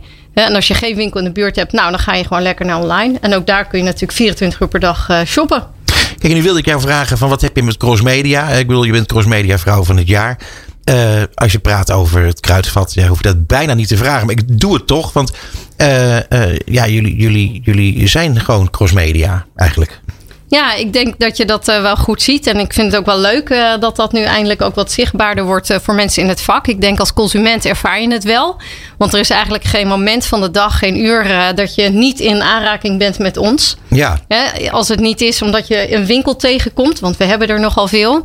Dan is het wel omdat je een advertentie van ons tegenkomt op een van je mobiele devices. Op radio, op tv, op outdoor. We zijn er eigenlijk gewoon altijd en overal. Online, ja, inderdaad. Wat namelijk het grappige is, en dat vind ik toch wel heel erg knap. Dat uh, je bent uh, alomtegenwoordig. Maar het, uh, dan praat ik even voor mezelf. Het irriteert niet. Nou, dat is Hoe heel doe je fijn dat? om Ja, nee, maar dat vind ik echt knap. Want ik erger me kapot aan heel veel reclames die ik te veel zie. en jullie zijn ja, bijna fulltime zichtbaar via allerlei kanalen. Maar hoe, hoe meet je bijvoorbeeld dat het op een gegeven moment misschien too much is? Nou, uh, dat het too much is, uh, je kunt het natuurlijk uiteraard wel meten. Hè? Dus we kijken natuurlijk wel naar GRP-druk per kanaal. Maar je kan het natuurlijk niet op klantniveau meten. Wat we wel zien is de hoeveelheid uh, boodschappen die we uitzenden. Die differentiëren we wel. Dus afhankelijk van het kanaal. of van de doelgroep of van de doelstelling van de Mhm. boodschap. passen we dat wel aan. en ik denk dat dat iets is waar we de laatste jaren onszelf echt wel in versterkt hebben. Ik heb ook echt, ja, nogmaals, een heel goed team zitten waar er heel goed mee bezig is. Uh, en daardoor verveelt het denk ik veel minder dan, uh, dan een aantal jaar geleden. Hè? Dat was zeker uh, meer eendimensionaal. Het was altijd actie, altijd roepen, altijd radio. In combinatie uiteraard met de folder. Mm -hmm. en daar hebben we wel gewoon veel meer zijn we in gaan differentiëren. En daardoor blijft het ook relevant op het moment dat je zo'n boodschap krijgt. En dat kan natuurlijk nog veel verder. Maar daar zijn we uiteraard ook hard mee bezig. Om te zorgen dat we dat veel meer op maat kunnen maken. Meer personalisatie inzetten. Zodat het nog relevanter voor je wordt die relevantie is echt, uh, dat is het hele punt. Bas wil een vraag stellen. Ja, ik heb een vraag over de winkelstraat. Want er is veel om te doen om de winkelstraat. Als jullie de meeste winkels hebben, dan heb je er ook het meeste verstand van, zeg maar. Maar je hoort toch heel vaak dat de winkelstraten lopen leeg. En dan niet zozeer in Amsterdam, maar in uh, bijvoorbeeld Helmond of Den Helder, of Heergewaard. Wat, wat, wat minder grote steden. En uh, hoe zien jullie dat? Uh, gaat nou het ja. bij sommigen heel goed en sommigen heel slecht? Of gaat het overal goed? Of, uh... Nee, kijk, wat we zagen, wat wel interessant is natuurlijk de lessen die we geleerd hebben. En dat geldt eigenlijk voor heel retail Nederland, België, maar ook uh, de rest van de wereld. Is dat natuurlijk door corona in de, de winkelstraten veel minder werden opgezocht. Hè? Dus daar zagen we echt wel een afname van traffic. Wat we ook zien is dat mensen shoppen in het algemeen gewoon wel heel erg leuk vinden. En daardoor zie je dat dat nu wel echt helemaal aan het herstellen is. Mensen gaan weer de straat op, gaan graag uh, op pad en uh, zoeken dan uh, gewoon toch ook weer de winkels uit waar ze lekker kunnen snuffelen. Nou, een kruidvat als winkel biedt eigenlijk allebei. Hè? Je kunt er heel snel en efficiënt je boodschappen doen, maar je kunt ook lekker snuffelen en rondkijken. En die behoefte vullen wij gewoon heel goed in. Dus we zien eigenlijk wel dat dat weer beter gaat, die winkelstraten. daarentegen is het ook zo dat dorpen juist in die periode heel goed werden bezorgd, bezocht. Ja, dus je zag juist een uh, toename naar buurtwinkels. Daar heeft onze familie Trekpleister heel erg van uh, geprofiteerd. Is heel veel sterker geworden. Veel nieuwe klanten gekregen die ook blijven. Dus ja, uh, je ziet in shopgedrag verschuivingen. en dat moet je natuurlijk als retailer op de voet blijven volgen. en als derde kanaal moet je natuurlijk toch vooral ook echt inzetten op online. Ja, dat grappig. gaat gelukkig bij ons ook heel goed. Je hebt natuurlijk uh, te maken met, uh, met je inkoop. En dingen zijn heel groot. Hè? Uh, en ook heel lokaal. Hè? Er is natuurlijk heel veel om te doen om al die import uit China. Met die loeidure containers. waardoor dingen lokaal weer belangrijker gaan worden. Speelt dat bij jullie ook? Uh, ja, ik denk dat iedereen uh, in de retail, maar uh, die met handel bezig is, maar eigenlijk ook iedereen, alle bedrijven die producten maken, aanmerken, hebben te maken met aanvoer vanuit China. Uh, of vanuit andere delen van de wereld. Dus uh, wat we zien, en dat kun je natuurlijk in elk financieel uh, blad lezen, is dat er gewoon een, een, tekort is aan aanvoer van grondstoffen. van producten, ja, daar heeft iedereen mee te maken. Dus wat we zien is wel dat we een jaar tegemoet gaan van tekorten. Aan de andere kant, ja, als je daarop anticipeert, ja, dan, dan zul je daar ook wel weer mee om moeten gaan. Ja, dan komen we vanzelf op het, op het woord purpose misschien. Hè? Ik bedoel, daar, daar, daar moeten jullie natuurlijk ook wat mee een heel belangrijk uh, onderwerp voor, voor, voor iedereen. Wordt steeds belangrijker. Uh, dat betekent ook dat er heel veel producten vanuit het Verre Oosten, met name, uh, misschien een minder belangrijke rol gaan spelen. Of zie ik dat verkeerd? Nou kijk, als formule proberen we altijd aan te sluiten bij de behoeften van de klanten. Mm -hmm. Dus als er behoefte is aan bepaalde uh, spullen, om maar zo te zeggen, artikelen, ja. producten, oplossingen. Ja, dan zullen wij zorgen dat we daarin voor, uh, in voorzien. Het moet uiteraard wel passen bij onze purpose. Hè? Ja. Dus om wie wij willen zijn en uh, wat we voor de klant willen betekenen. Nou, zolang dat zo is en die twee matchen met elkaar, dan ben je relevant. Dan is er ook ruimte voor, dan is er een behoefte. En als je die goed weet in te vullen, ja, dan zullen wij dat wel blijven doen. Ja. Eh, eh, andere dingen die met purpose te maken hebben. Is dat voor jullie een, een, een belangrijk eh, item? Ook om, om, om te laten zien aan jullie klanten? Uh, zeker. En uh, even misschien om te verduidelijken, Peter. Jij vraagt naar purpose, maar ik denk dat jij met name social purpose noemt. Mm -hmm. hè? En wat je wil betekenen voor de maatschappij. Nou, wij zeggen vanuit Kruidvat, hè, uh, in, in, de basis willen wij iedereen helpen zich mooi, gezond en goed te voelen. Maar we willen dat ook op een duurzame manier doen. Nou, daar gaan wij de komende tijd meer van laten zien. We zijn eigenlijk volop bezig om dat in kaart te brengen. Dat lijkt alsof we niks doen. We doen eigenlijk heel veel, maar we vertellen heel weinig. Uit een soort um, ja, bescheidenheid zou je kunnen zeggen, maar ook uit een soort vorm van: joh, dit moet je gewoon doen. Nou, dat zijn we eigenlijk allemaal een beetje op een rijtje aan het zetten om te zorgen van: goh, hoe gaan we dat nou op een relevante manier wel laten zien aan klanten zonder dat we uh, daarin gaan overdrijven. Ja. Dus, uh, Zonder dat het irritant wordt, zeg maar. Ja, precies. Want dat wil je natuurlijk niet. Nee, het moet wel relevant zijn. Precies. En, um, en, we hebben daar ook wel een, een, een, verantwoordelijkheid, vind ik, als retailer. Nou, dan willen we ook wel laten zien dat ook dat uh, bij Kruidvat hoort. En dat je dat van ons mag verwachten. Um, jij bent een marketeer in hart en nieren. En uh, jij behoort tot, hoor ik van meerdere mensen, jij behoort echt tot de, de, de A-categorie. Ja, dat is echt waar. we hadden het er even over over wat er allemaal gebeurt in, in marketing. En toen zei jij van ja, wat ik heel leuk vind, is dat online-offline spel. En met name het woord spel intrigeerde mij. Leg uit. En waar, waar, eerst de vraag terug dan. Waarom intrigeert jou het woord spel dan? Nou, omdat namelijk, je, we praten over business. Uh, en uh, natuurlijk is heel vaak business ook een spel. Maar dat jij het als zodanig omschreef, dat, dat triggerde mij. Dus dat, dat, daar ben ik benieuwd naar hoe je dat ziet. Ja, kijk, ik denk, uh, misschien zie ik, ik wil niet zeggen dat ik het hele vak of het werk als spel zie, maar ik heb wel veel lol in, laat ik het zo zeggen. Dat, dat, dat is duidelijk. En uh, ik vind het ook wel belangrijk uh, dat mensen in mijn team dat ook uh, zo zien en ervaren, omdat ik wel denk dat op het moment dat je de juiste inzichten kunt combineren, snapt wat de spelregels zijn, maar ook weet hoe je de spelregels naar je hand zou kunnen zetten of kunt vervormen, -hmm. wordt het gewoon veel leuker om te doen. Ja. en dan haal je ook resultaat. Dus als ik dan even teruggrijp op het voorbeeld on- en offline spel. Ja, het is denk ik ontzettend leuk om te zien hoe je uh, klanten uh, of consumenten in beweging kunt krijgen om in beide kanalen te gaan shoppen of zich te oriënteren. En als je dat kunt volgen en snappen, kun je het ook beïnvloeden. Nou, dat vind ik het werk van een marketeer per sang. Het Zeker. beïnvloeden van consumentengedrag. Ja, maar goed, uh, ja, en dat je het dan ziet als een soort spel, dat maakt het allemaal extra leuk. Ja, dat zou je kunnen zeggen. Ja, nee, ik begrijp, ja, eerlijk gezegd begrijp ik dat heel natuurlijk, goed. Maar ik dat is wel waarom ik ervoor gekozen heb. Omdat Ja. ik dit heel leuk vind als je dat in de gaten hebt. En, uh, en je kan daarmee aan de slag. Uh, en je bereikt ook resultaten mee. Ja, dat motiveert mij als mens uh, of als persoon wel heel erg. Ja, Ja, en je hebt ook vrij snel eh, het resultaat inzichtelijk. Ja dat is denk ik wel belangrijk. Want Sowieso in retail. Ja, dat Ja. zeker. Nee, Ja. in retail, dat vind ik zelf leuk. Ik heb natuurlijk zelf een achtergrond in eh, FMCG. Hè? Ik heb 17 jaar eh, hiervoor in, eh, in FMCG gewerkt bij voormalig Sarah Lidouwe Egberts. Dus eigenlijk veel meer een merken innovatie achtergrond. Mhm. Business marketing zeggen we ook wel eens. Eh, en om dan in retail te stappen, dat is natuurlijk gewoon een soort snoepwinkel. Want Ja. je zit direct bovenop de klant. Je hebt al die data en daar kun je dus veel makkelijker in sturen.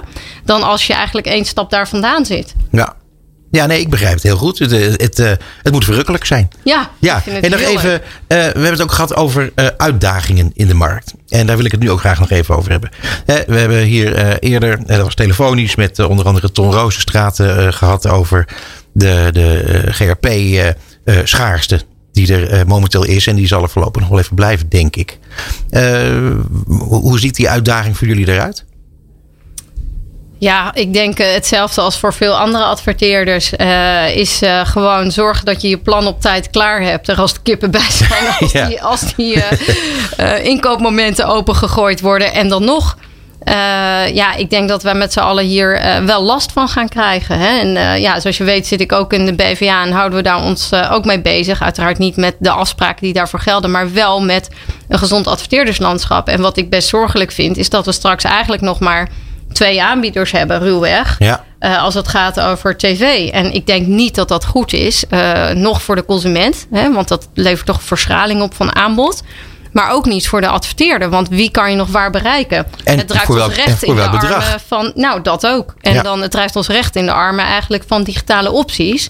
Die ook niet eh, zaligmakend zijn. Nee, dat Maar is we waar. hebben wel goed nieuws dan. Want René heeft net verteld dat gisteren in de staatscourant komt... dat je nog zeven dagen kunt eh, reageren op het voorgenomen fusie...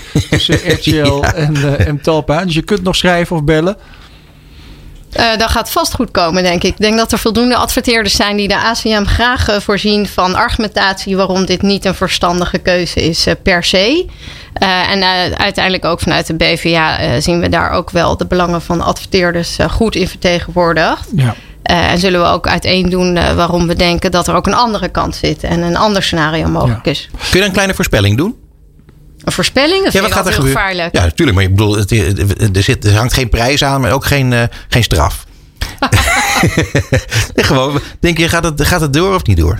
Nou, daar wil ik eigenlijk geen uitspraak Nee? over doen. Want dat hangt van zo ontzettend veel dingen af. En eh, ik denk niet dat het eh, belangrijk is wat ik daar dan van vind. Nou, mag ik je een andere vraag stellen? Hoef je niks te voorspellen. Hoef je antwoord, alleen antwoord te geven. Je bent een hele grote adverteerder op radio natuurlijk. Nou, we zijn er met de radio.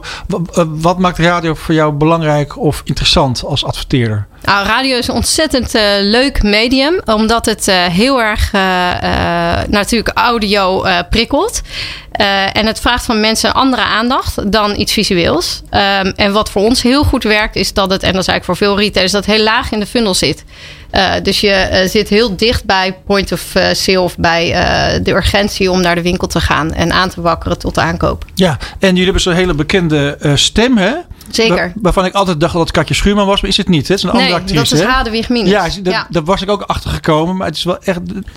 Die klinkt ook wel heel erg als, Als, als al, al, al, als spreekt het woord Vind ik. kruid valt niet uit. Weet je al meteen. eh, Het is echt heel, een heel goed audio. eh, Ja, we, eh, zijn, we hebben dat En ook onderzocht. Ja, het is consistent en heel herkenbaar. Eigenlijk bij de eerste noten of tonen weet je al dat zij het is en dat het een kruidvatcommercial is. Komt ook door het creatieve concept en het soundlogo wat eronder zit. Eh, ik kan wel eh, zeggen dat we op momenteel aan het studeren zijn om dit eh, verder te optimaliseren, te moderniseren. Eh, we houden absoluut Hadewig. Dus Oh. eh, laat ik daar Ja, alvast duidelijk over zijn. Eh, maar je kan nog heel veel doen in de muziek. Dus daar zijn wij eh, wel naar aan het kijken. Ja. Dan zou ik graag willen besluiten met dat het eh, er waarschijnlijk naar uitziet dat het weer mooi, gezond en goed zal zijn. Zeker, hartstikke fijn. Dankjewel. Dankjewel. Dit is Marketing Report. Met Peter Wiebinga en Bas Vlucht. Dit is Marketing Report op Nieuw Business Radio. Ja, en het is een eh, ongelooflijk feestelijke uitzending, dames en heren. Want eh, wij mogen afsluiten met Nienke van der Streek. En zij is Managing Director Marketing en Communicatie bij Aldi Nederland. Klopt. Wat fijn dat je er bent. Welkom. Dankjewel. Leuk om hier te zijn. En Nienke, jij bent, eh, ik heb even gekeken op jouw LinkedIn. En dan Mhm. zie je dat jij, jij bent echt een retail specialist, hè? Ja, ik eh, we hebben altijd bij retail gewerkt, ja. Ja. Ik zeg altijd voor de gein, en dat is heel erg waar, stiekem toch. dat ik van eh, mijn hobby mijn beroep heb gemaakt. Ja. Ik dol op winkelen en eh, ik werk er nu al mijn hele werkende leven eigenlijk. Ja, precies. En dat is wel bijzonder. ehm, eh, want dat kan niet iedereen zeggen. Jij zit sowieso op een heel bijzondere positie. Een jaloersmakende positie, mogen we wel vaststellen.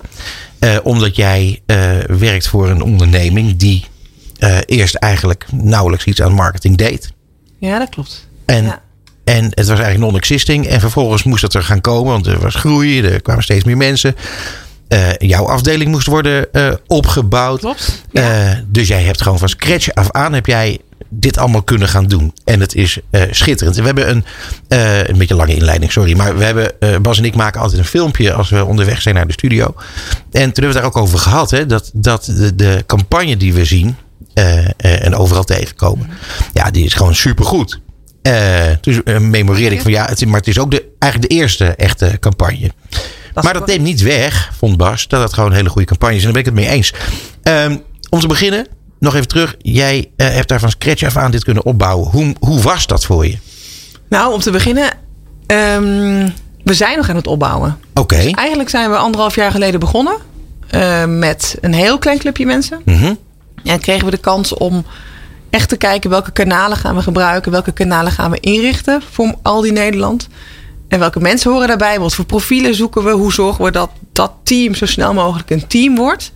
Ja, en dat is toen gegroeid van een man of 10, 12 naar nu Zo'n 35 mensen. En we zijn nog echt eh, nog lang niet klaar. Hey, en dan heb je dus ook nog eh, eh, budget. Je moet, je moet ook in een organisatie der- die daar nog niet aan gewend is, moet je ook budget gaan bepalen. Klopt. Ja, Dat lijkt me nog best wel een strijd, of niet? Ah, strijd. Ik denk dat je het meer kunt zien in de noodzaak. Hè, van, waar vroeger misschien gezegd werd, joh, marketing, dat doen we allemaal. Of marketing, hebben we dat nou nodig? We hebben 500 winkels. Is dat niet genoeg? Dat zijn eigenlijk 500 uithangborden.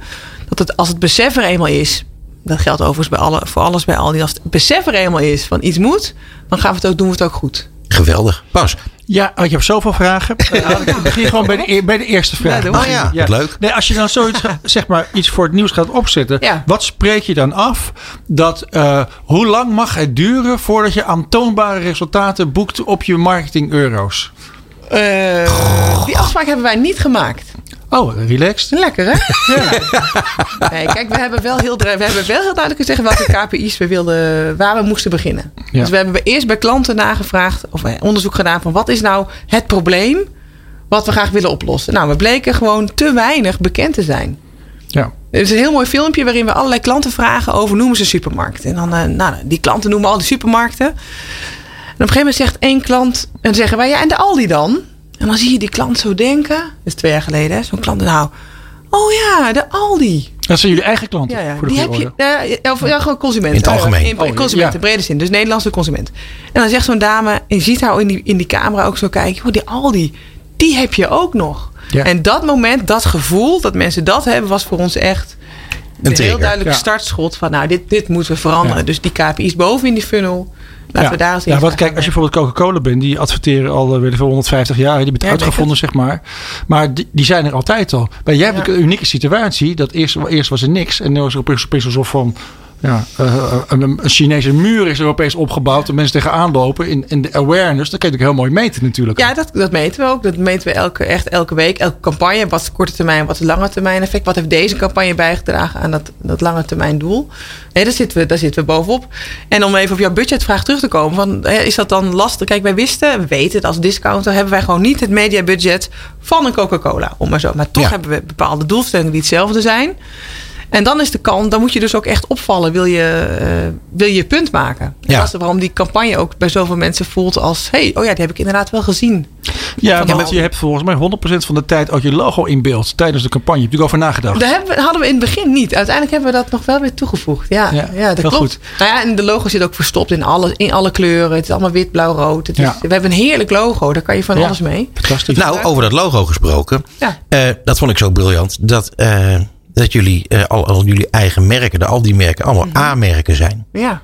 Ja, echt. Ik, ja, dat vind ik echt een, een, geweldige vondst. Ik bedoel, er, er is niks tegen in te brengen. Al onze merken aanmerken. Ja, dat vind ik echt eh, knap, dat hoor. Geven, we- ja, dat maken we natuurlijk met de knipoog eh, toch een beetje... Tuurlijk, maar het is, het is goed gedaan, het is goed bedacht en goed uitgevoerd. Eh, je zei, we staan aan het begin van iets. Hè. Ehm, ehm, jullie zitten in een, in een beweging. Zeker. Eh, als je praat over, over golfbewegingen. Want jullie zitten natuurlijk, eh, jullie zijn die, die golf aan het beklimmen. Mhm. Eh, waar staan jullie ongeveer, denk je? Nou, echt aan het begin. Ja? Ja, dus, echt het begin van het golfje. Wat nog, nog een hele grote... Oceaangolf moet worden. Tsunami, oceaangolf gaat worden, ja. Ja. Kijk, het is een beetje ook van welke discipline je bekijkt. Want we hebben het nu over marketing. En ik zit hier ook als marketeer, dat is ook logisch. Maar Mhm. wat er bij Aldi gebeurt, dat is veel meer dan alleen marketing. Dus we zijn echt... We zijn echt Assortiment bedoel je? Ah, bijvoorbeeld ja. assortiment, logistiek, de winkels, Versproducten. mensen, HR, alles. Ja. Alles, alles, alles. Dus als we... Iedereen is op zijn discipline bezig met het doorgaan van de transformatie van A naar B. Van de Aldi van vroeger, om Ja. even tussen haakjes te zeggen... naar de Aldi die we willen zijn of weer terug willen... Er staan niet zoveel dozen meer, hè? Of helemaal niet meer? Heel veel dozen, zeker Wel? wel? Al het goede zit in dozen, zeggen wij. Ja, maar ik bedoel, het ziet er toch wel wat aantrekkelijker uit dan voorheen. Nou, we hebben wel de winkels eh, verbouwd de Ja. afgelopen jaren. En nog steeds doen we, dan zijn we nog met die eh, winkelombouw bezig. Die zijn veel, eh, veel frisser. Helemaal Ja. echt modern. Dus Zeker. dat klopt. Dus als je dat bedoelt, Ja. eh, die zijn er. Maar er zijn het aantal, winkel, aantal artikelen wat in dozen zit, is niet veranderd. Oh nee? dat, dat kan ook Dat is helemaal niet. perceptie, Mensen denk zijn ik. teleurgesteld als, als het, dat, dat is als een USP. Dat- nou, we gebruiken het in de campagne ook. Hè. Mag je zo ook zelf openmaken? Of dat, dat, dat hoeft niet? Nee, dat hoeft niet. Wij maken hem nog voor je open. Maar ik heb wel, wel nog een serieuze vraag, had ik nog. Hallo, dit was een hele serieuze vraag, man. Met die dozen. Serieus hoor. Nou, kom op. Nu een echte vraag dan. Ja, oké. Echte vraag. Hey, ehm, ehm, ik was benieuwd hoe jij je, je, je media en je eh, creatieve bureaus, hoe je dat selecteert. En, eh, en, en wat je daarvan vraagt. En hoe je, hoe je, hoe je zeker weet ja, wie bij jullie Mhm. past. Hoe, als, ik zou je er iets over kunnen vertellen. Daar ben ik namelijk Ja, ik en ook zeker. denk ik de luisteraars erg benieuwd naar. Ja, dat vind ik serieus een goede vraag. Want het is ook een proces waar we echt heel veel tijd aan hebben besteed. Want we begonnen met een heel klein groepje. Als ik even begin bij het creatief bureau, strategisch eh, marketing, dat is bij ons Indie. En eh, voordat we de pitch uitschreven, was het, eh, zijn we echt, hebben we heel veel de nadruk gelegd op het feit dat we een partner zoeken, echt een partner. Die met ons mee wil groeien. Die met ons die, die route met dat kleine golfje waar we het net over hadden. Wat uiteindelijk een hele mooie tsunami gaat worden in positieve zin. ehm, die met ons samen die reis wil maken. Nou, en dan moet je ook heel open zijn over waar je zelf goed in bent. En wat je verwacht dat een bureau daaraan bijdraagt. En eh, het citaat wat we nog vaak aanhalen is dat ik ook in, letterlijk in het pitchdocument schreef. Ja, ik, hoef niet, ik zit niet te wachten op een bureau die met, met hun ogen gaat rollen. Als wij weer een vraag stellen eh, door misschien gebrek aan kennis of ervaring. Wij doen heel veel dingen voor de eerste keer. Dus we hebben een bureau nodig wat ons helpt daarbij. Nou, en dat uiteindelijk een lang pitchtraject. Indie is het geworden en eh, ja, daar zijn we heel blij mee. Dat is echt een goede partner. Dus ik heb heel erg gezeten op het partnership, partnership gedeelte. Veel minder op, oké, maar welke, welke klanten heb je al gehad? Wat is er al gecreëerd? Welke campagnes zijn er al gemaakt? Ja, dat is in de basis wel belangrijk, maar voor de uiteindelijke keuze. Ging het echt heb ik nog één vraag. De laatste Peter, ik beloof het. Nee, wacht, even, dan, ga je gang. eh, Aldi is toch eh, van de Duitse heritage. Zeker. Heel groot ook in de Duitsland. Albrecht. Ja, en dan mijn vraag die daar dan bij hoort is van... eh, het, ik heb de indruk dat je heel veel vrijheid krijgt.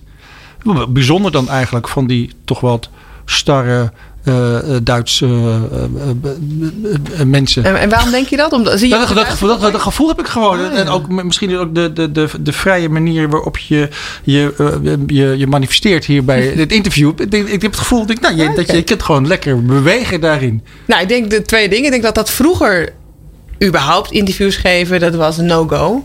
Dat werd ook niet gedaan. Er werd er weinig naar buiten eh, gecommuniceerd. Dus dat is sowieso in cultuur al heel erg veranderd. Dat zegt niet zozeer over of, of ik veel vrijheid heb, maar die cultuur is echt bij Aldi veranderd. En daarnaast hebben we bepaalde dingen doen we echt maximaal samen vanuit Aldi Internationaal. Die, wat nu gebaseerd is in, in Essen, Duitsland. Ehm, er zijn mooie schaalvoordelen te halen, maar er zijn ook juist dingen die je echt zelf moet doen. Dus wij kennen die klant echt het beste. De Nederlandse consument die heeft voor ons geen geheimen meer.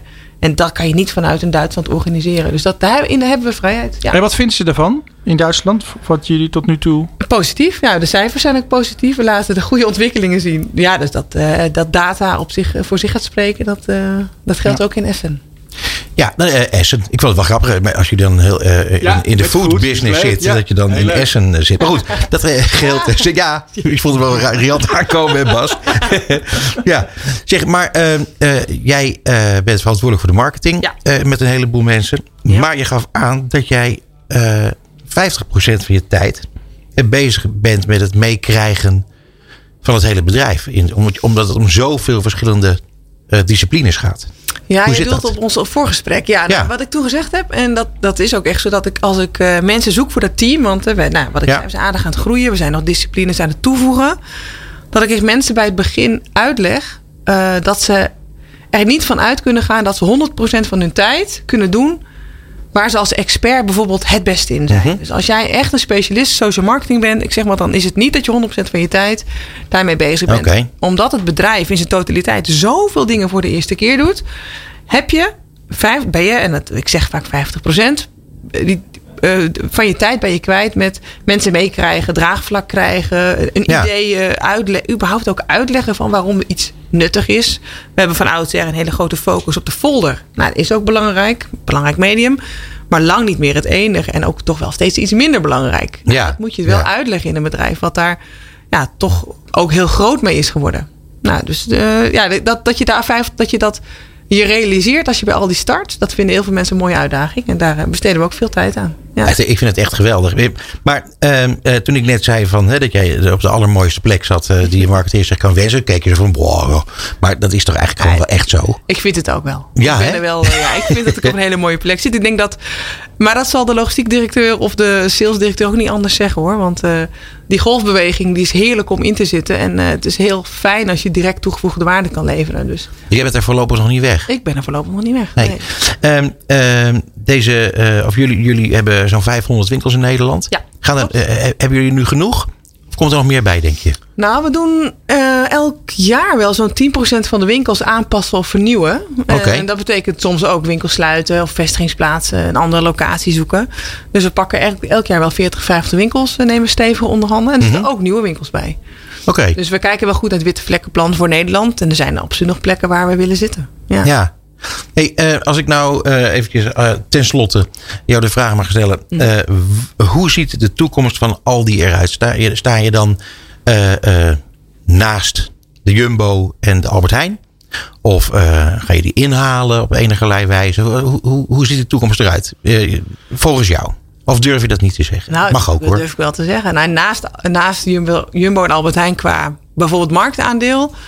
Dat denk ik eh, niet. Eh, maar ik denk wel dat wij weer discount nummer 1 gaan worden. Mhm. En eh, daar zijn we ook hard eh, voor aan het werk. En qua positionering zullen we altijd de koers blijven varen die we nu in zijn gestoken. Dus echt anders dan de rest. Ook anders dan bijvoorbeeld Lidl.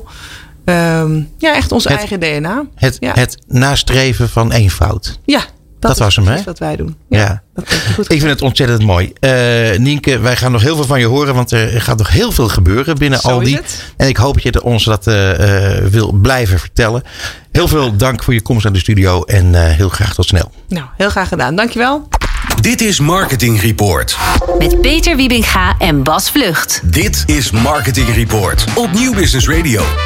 Zeg Bas, Ja, ik, eh, ik vond het weer een verrukkelijke uitzending. Ik had er wel een beetje van, veel van verwacht ook Ja. van tevoren. Maar het is ik, me totaal ik niet eh, erover tegengevallen. na. Ik denk dat dit echt de beste uitzending is die ooit gemaakt is. Gewoon op aarde. En is dat dan dankzij eh, eh, Nienke met name? Of Brenda, Nou, Art? al, al onze gasten. Al onze gasten. Oké. Het, eh, dus, ehm, eh, ik vind dat eh, ehm, eh, niks ten nadele van Nienke. Maar Brenda had wel de quote van de avond. Maar dat moest ik ook wel als Crossmedia vrouw van het jaar. Dat is waar. Want ze- wat zij zei namelijk, en dan quote ik letterlijk. Ja, eh, ik snapte er niks van dat ik Crossmedia vrouw van het jaar werd. Want ik doe alleen maar wat iedere CMO zou moeten doen. ik denk, nou ja, dan win je dus toch duidelijk. Hè, als jij doet wat iedereen... Maar ze bedoelde het ongetwijfeld iets anders. Maar ehm, eh, ik denk ze bedoelde, ik deed alleen maar mijn werk. Maar dat doet ze dan blijkbaar heel erg goed. Ik vond dat echt eh, heel erg leuk. Ja, Om het Goeie over. Nienke de, dan te spreken, die zit dan nog steeds naast ons, maar desalniettemin. Ik had opgeschreven eh, als eh, steekwoorden in mijn lijstje: eh, fris, top, vakidioot, hobby, maakt een Duits bedrijf aan het swingen. Dat is een Ja. beetje wat ik eruit had. Nou. ik, vond het, ik vond het heel leuk. Dat vind ik heel leuk gezegd, Bas. Want ik geloof dat je daar gelijk in hebt. En daar wil ik er nog aan toevoegen. Dat Nienke is namelijk ook nog een wereldreiziger. Die heeft echt de hele wereld over gereisd. En eh, ik denk dat dat heel goed is voor je geestelijke gezondheid. Dat je weet hoe vrijheid voelt. En als je dan binnen zo'n onderneming als Aldi ook nog zoveel vrijheid krijgt. Ja, ik bedoel, dan, dan ben je gewoon de bofkont van de eeuw. Misschien moet je wel een keer een prijs voor in het leven roepen. Ja, de nationale bofkom. ja. Ik wil ook zeker niet eh, onvermeld laten eh, Marit van, Zeker. van, eh, van Air Force. Ja, die hier in het En Hol van de Leeuwen zich bevond. Ja, maar dat, die, dat zij dus gewoon die muziek van Unox hebben gemaakt. Dat vind ik de, echt tof hoor. Ja. Kijk, als je nou zegt van radiomuziekjes, dat is, dat is toch echt epic. En dat ik nu ook weet dat het helemaal niet Toes Tielemans is die, die Montemonica speelt. Maar wie was het wel? Wie was het? Ja, haar eigen man. Ja, dat is toch geweldig. Ja, die moeten we een keer in, eh, inhuren voor ons jazzfestival. Ja, nou, schitterend. goed. en Eh, dan hadden we ook nog eh, natuurlijk... ehm, Art. ja, Art. Dat was heel leuk. Wat ik, wat ik zelf dacht... Nou? ik dacht, nou, met Art als marketeer bij Gros... kan de directie rustig gaan slapen. Die man, die, staat gewoon als een huis. Laat zich niet gek maken. Zeker. die- en die, die, die, die straalt ook wat, la- wat langere termijn uit... dan een actietje hier en een kratje daar. Gewoon bouwen, duurzaam, eh, voor de mensen en de versier vooruit. Ik vond dat heel, heel goed. Ja, heb jij ook de indruk dat wij vandaag gasten hadden die allemaal heel makkelijk konden praten over hun vak? Heel makkelijk. Ja, hè? Ja, ik wat ik ook nog even wil niet onvermeld laten dat wij René de Ziener van Zicht eh, Ja. uit de gast hadden. En dan zie je toch, eh, hij, ja, het is natuurlijk, hij werkt bij Media Room, maar toch eigenlijk toch stiekem een radioman. Eigenlijk wel, ja. Radioman. Hij vindt het ook heel erg leuk. Ah, en als Het als het dan ook nog over radio gaat, dan, eh, dan krijgt hij echt vleugels. Ja, dat klopt. En ik zag hem hier ook zo de studio uitvliegen. Om er volgende maand weer in te vliegen. Ja, Bas, ehm, zullen wij eh, er een punt aan, eh, nee, achter zetten? Ja. Ehm, ik vond het genoeg alweer om met jou dit programma te maken. Eens. En wij hebben dat weer in samenwerking gedaan met de radiofabriek van YPCA. en natuurlijk met de mensen van Zicht. En met René Zeedijk in het bijzonder. We kunnen Dank aan onze onze wel een gasten. keertje, onze sponsor een keer noemen. Zullen we dat Oh, doen? nou, doe, doe jij dat eens even. Hè? Ja, eh, Logitech en eh, Clarity, dat zijn eh, onze sponsors. Ja, eh, allebei. Ook van harte bedankt. Ja. Heel graag tot volgende maand. Tot zover Marketing Report op New Business Radio. Alle gesprekken zijn terug te luisteren via podcastkanalen als Spotify, Duke of Apple Podcasts. Komende maand zijn we er weer op de derde dinsdag van de maand tussen half zeven en acht uur. Tot dan.